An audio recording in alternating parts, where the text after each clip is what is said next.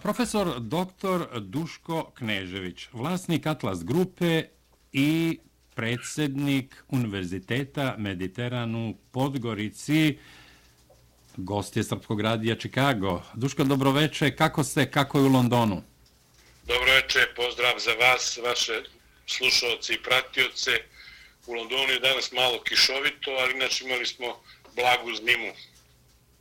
Da, u Čikagu je okolini sneg sa kišom, u stvari više snega nego kiše, poprilično loš dan, što se tiče vremena. Da, u Čikagu, jeli? Da, da, da.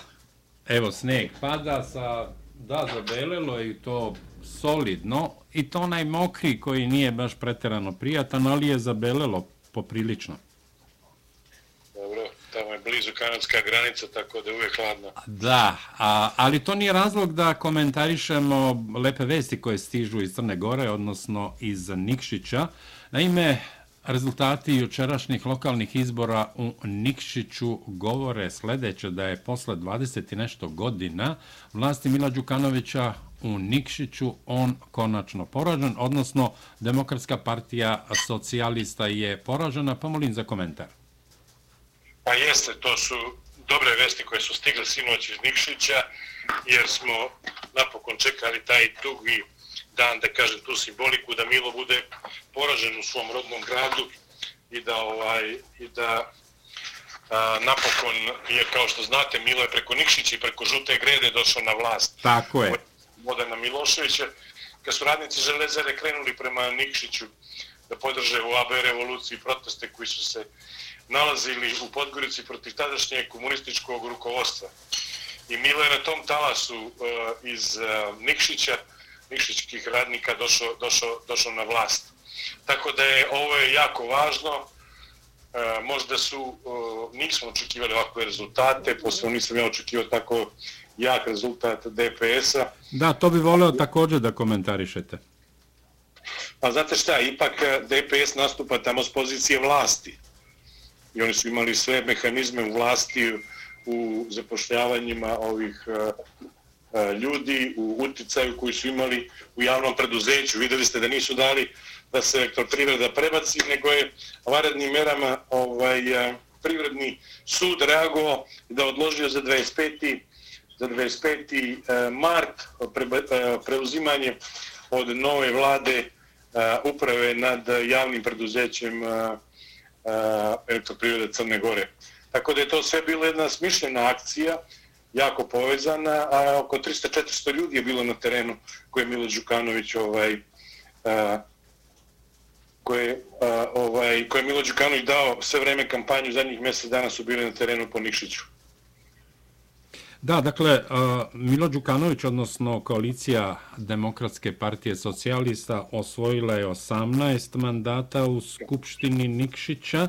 Koalicija za budućnost Nikšića 11, Mir je naša nacija Dritana Bazovića i Zdravka Kriokapića koji je prevrnuo priču pred ove izbore, pa, odnosno Alekse Bečića, prišao ovoj koaliciji, a bio je nosilac liste koalicije za budućnost Crne Gore.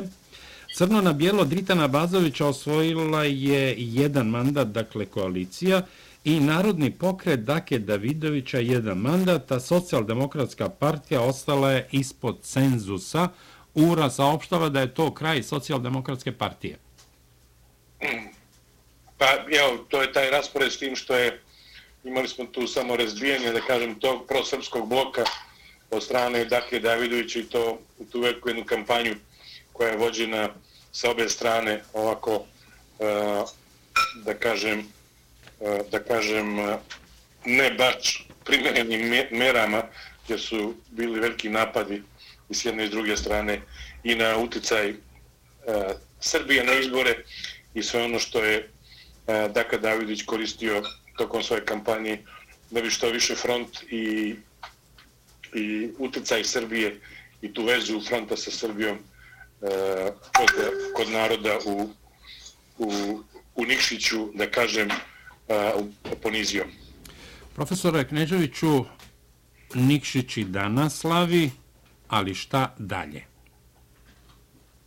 E, pa on će formirati vlast u Nikšiću, mislim da je tu stavljena tačka što se tiče Nikšića kao, uh, Dakle, ja pretpostavljam da će i Abazović ući u, u tu širu koaliciju, bilo bi dobro da i Abazović uđe u tu širu koaliciju, da se ono preslika što se dešavalo na, na nivou, kako se zove, a, Republike i da onaj odraz u parlamentu, a, odnos snaga koji je koji čini sada sadašnja parlamentarna većina i onda se okreću e, onome.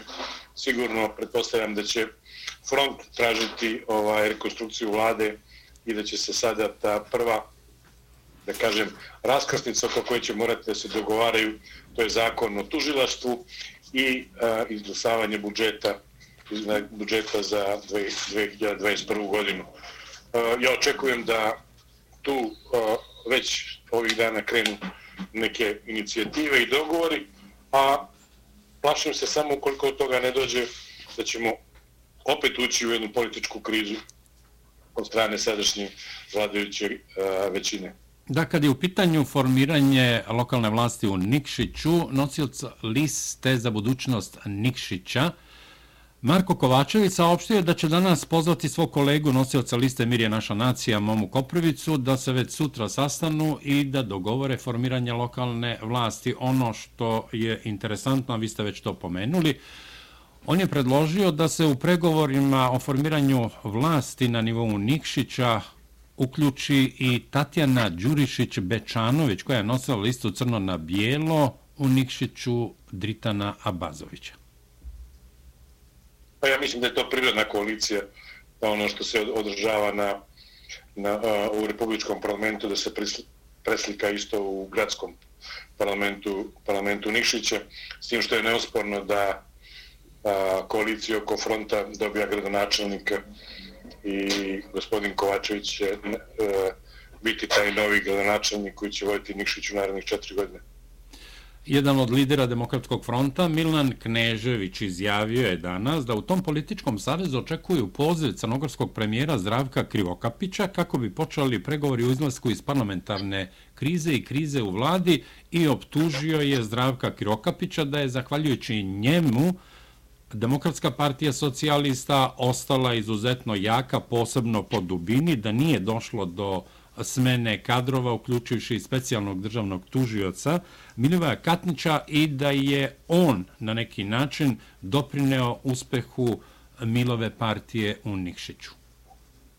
Pa tačno je to da e, nova vlast nije uspela da demontira Milo sistem. Ja mislim da je, bez obzira što ključne pozicije u, u ministarstvima pokrivaju ljudi iz eh, nove vlasti, ali po dubini i u javnim zećima i u agencijama i sve ono što kontrolisa Milo Đukanović i dalje situacija ista.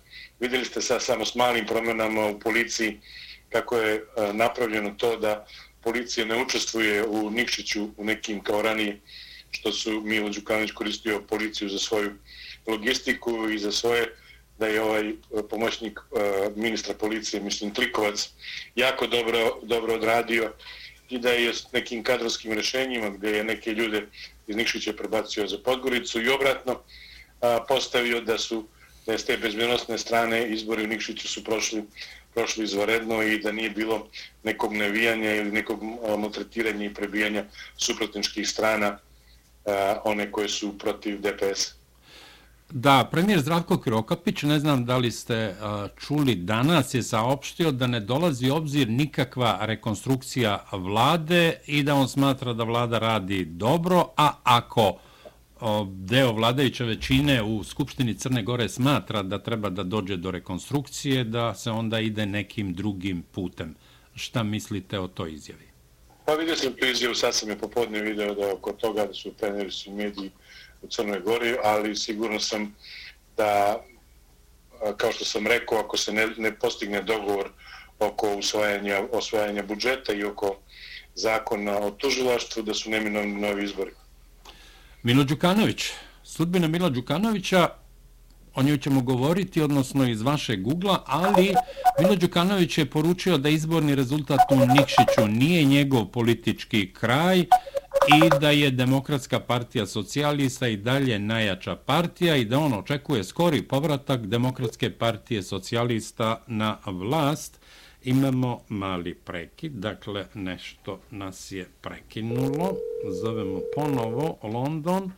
Ovo nam se redko dešava, ali dobro, u svakom slučaju i to je na neki način prirodno. Dakle, predsjednik države i Demokratske partije socijalista, Milo Đukanović, poručio je da izborni rezultat u Nikšiću nije njegov politički kraj. Ovdje sad imamo mali problem, ali dobro, u svakom slučaju, evo, citirat ćemo Mila Đukanovića, vidjeli ste da se to u ovom slučaju nije dogodilo, da je Demokratska partija socijalista popravila rezultat u odnosu na parlamentarne izbore 30. avgusta i time najavio svoju stabilnu ulogu na crnogorskoj političkoj sceni, svoju vodeću ulogu u zastupanju evropske budućnosti Crne Gore, kaže Milo Đukanović i dodaje, ja vjerujem svoj skori povratak u državnu vlast u Crnoj Gori, rekao je predsjednik Crne Gore i Demokratske partije socijalista. Dakle, evo, imali smo mali prekid, izjava Mila Đukanovića da on nema razloga... Da li me čujete? Halo? Da, da, ja vas čujem, Duško. Halo? Halo? Idemo sa nekoliko ekonomsko-propagandnih poruka dok ne uspostavimo kontakt sa Duškom Kneževićem u Londonu. Serbian Radio Chicago YouTube channel youtube.com forward slash Serbian Radio Chicago. Follow us and subscribe. Atlagic Dental. Phone number 630-321-9191. 630-321-9191.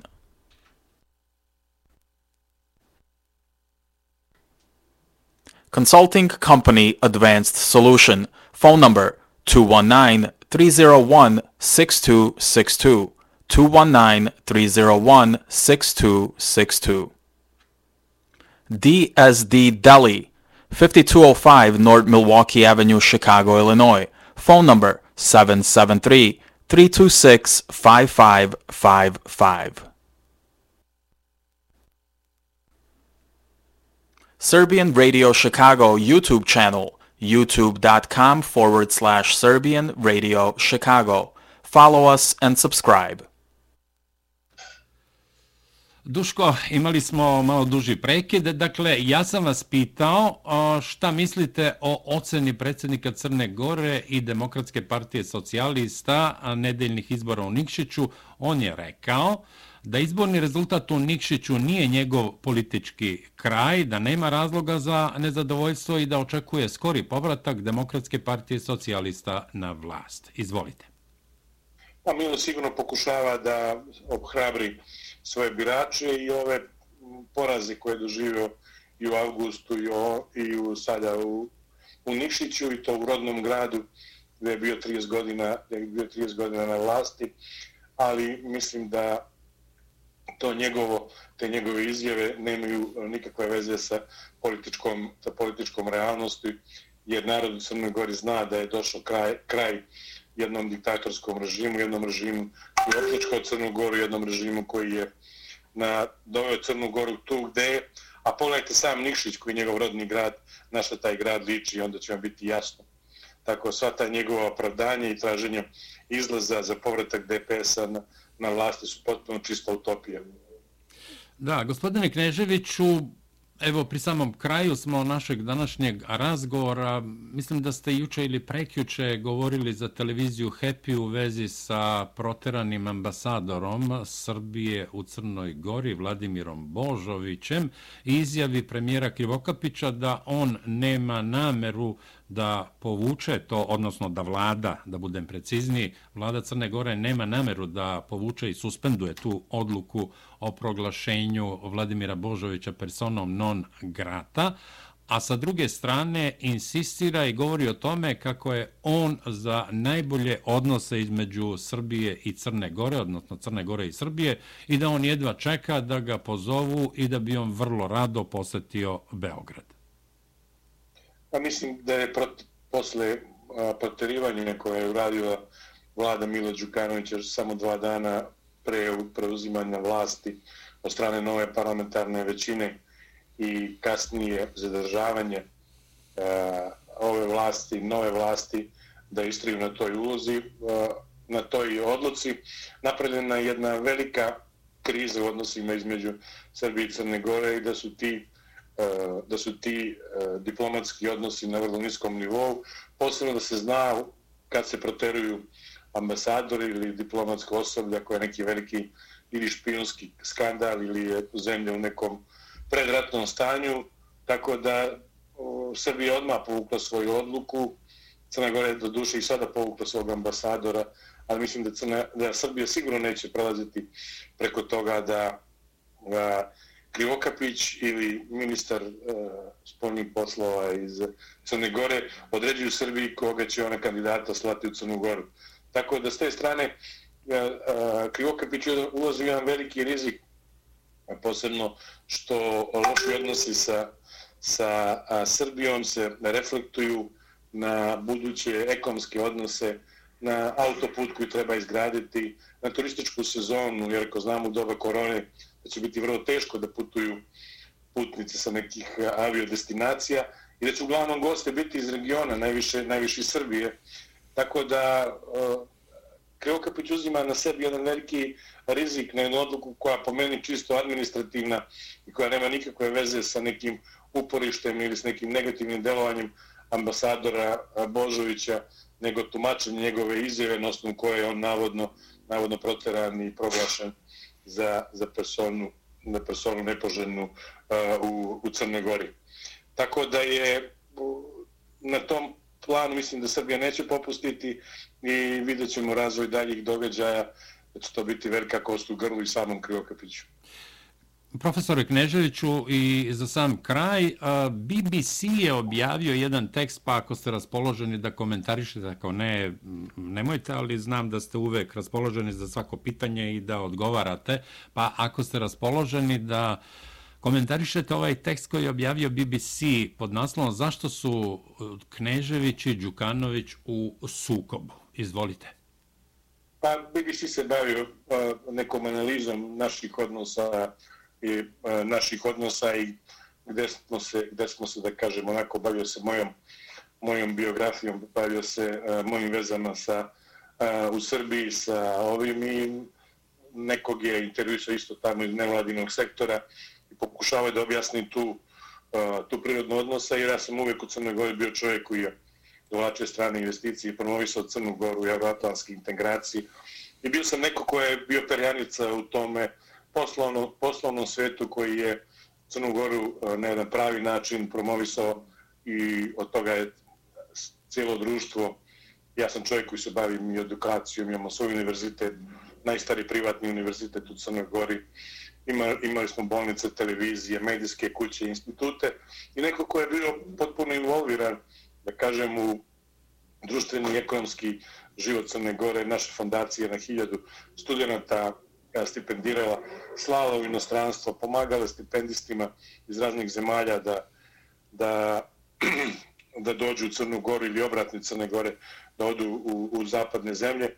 I onda bili si se bavio, bavio se da je smatraju da je taj moj veliki uticaj koji taj moja eksponaža međunarodna da ona zasmetala Milu i ljudima oko Mila i da je tako počeo taj prvo ekonomski rat, a posle krivično pravni protiv mene i da počeli da se slažu te krivične prejave, kako ovaj autor kaže oko toga, i da se bez ikakvih osnova šire optužbe, bez ikakvih dokaza, tamo gde ja nisam bio ni ovlašćen, nisam bio a, lice koje je zaduženo za te poslove preko nekih lažnih svedoka da se optužuje i normalno da su tada su podigli još bili tri Interpolove poternice koje Interpol odbacio.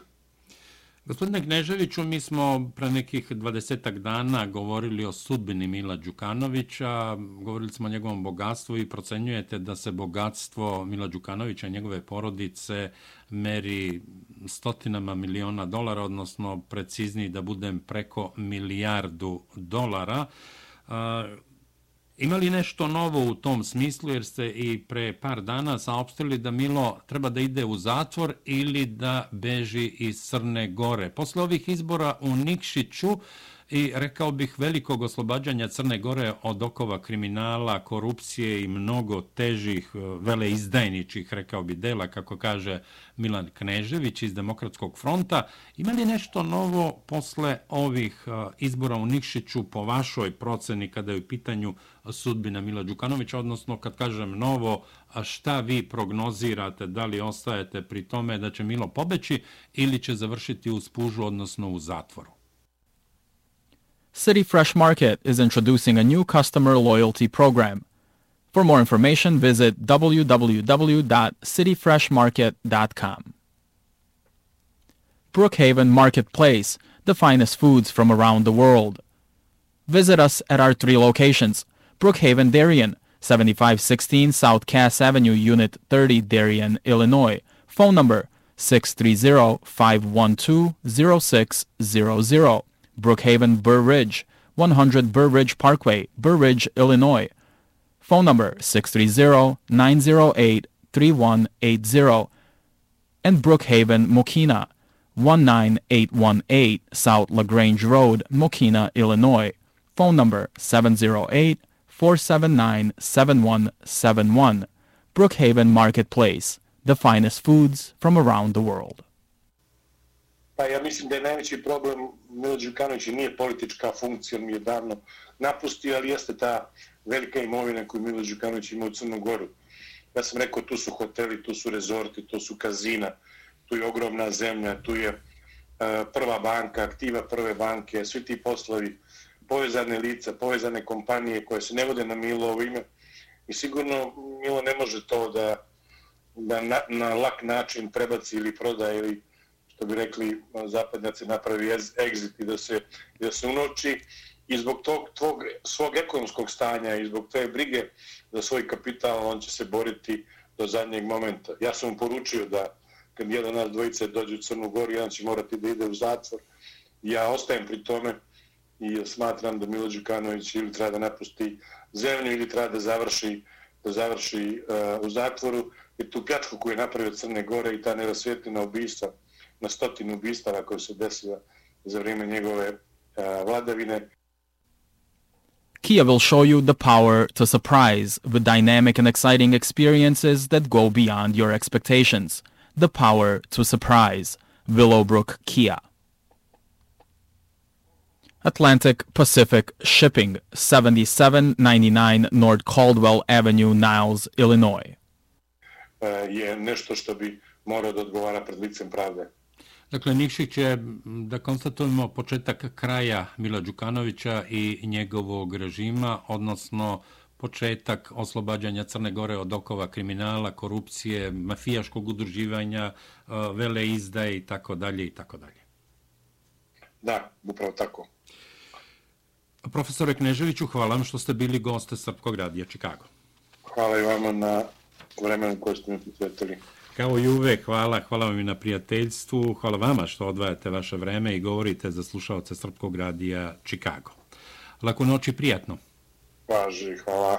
Hvala i vama. Poštovani slušalci, gost Srpkog radija Čikago bio je profesor dr. Duško Knežević, direktno iz Londona, vlasnik Atlas Grupe i predsjednik Mediteran Univerziteta u Podgorici.